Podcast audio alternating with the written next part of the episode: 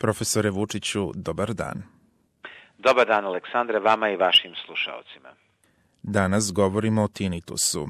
Pa na samom početku, da li bi mogli da nam kažete nešto više o ovom oboljenju?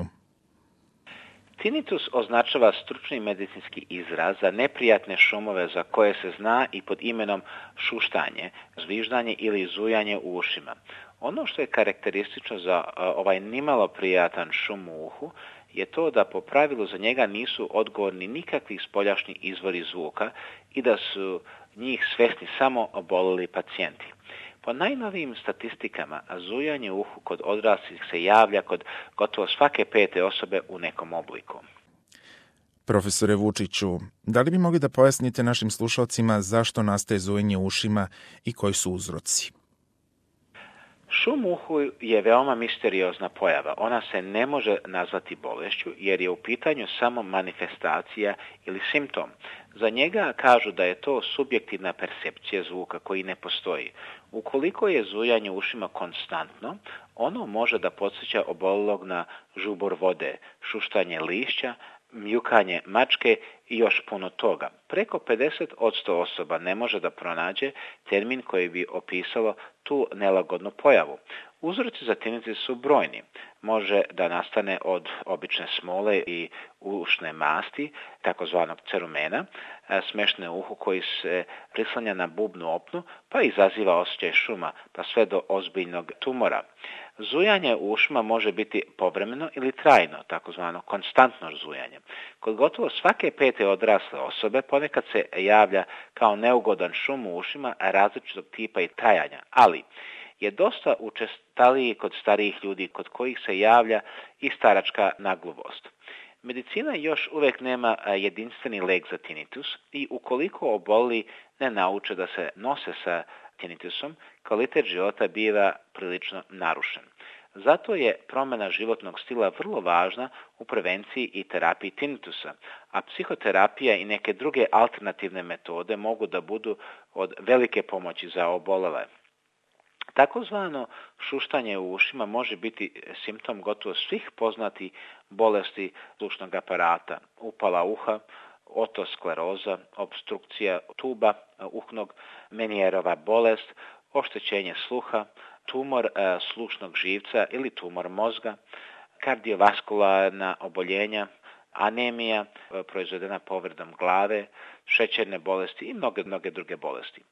Zujanje u ušima od glasne muzike je veoma često, ali nastaje usled čestog izlaganja buci, većinom na radnom mestu. Također, čest uzrok šumova u uhu jeste oštećenje nežnih slušnih ćelija praksom. Uglavnom se leči pravovremenim tretmanom. Na listi mogućih uzročnika su i obolenje vratne kičme, kao i bolesti zuba i zgloba bilice. Evo i kompletnog spiska uzročnika. Na primjer, obolila vratna kičma, bolesti biličnog zgloba ili zuba, staračka naglovost, tumori slušnog živca, srčane i kardiovaskularne tegobe, poremeća i metabolizma, bolesti bubrega, česte vrtoglavice, trovanje lekovima i ostale intoksikacije, otoskleroza, hronična upala srednjeg uha i smetnje u funkcionisanju eustahijeve tube, znači tuba koja povezuje uho sa grlom, povreda glave i bolesti centralnog nervnog sistema, zujanju ušima se može javiti i nakon anestezije. Profesore Vučiću, po čemu se razlikuju akutni i hronični tinitus? Kada se zujanje ušima javi prvi put, važno je da se mirno prespava noć, a ukoliko tinnitus bude prisutan i narednog dana, savjetuje se obavezan pregled kod lekara.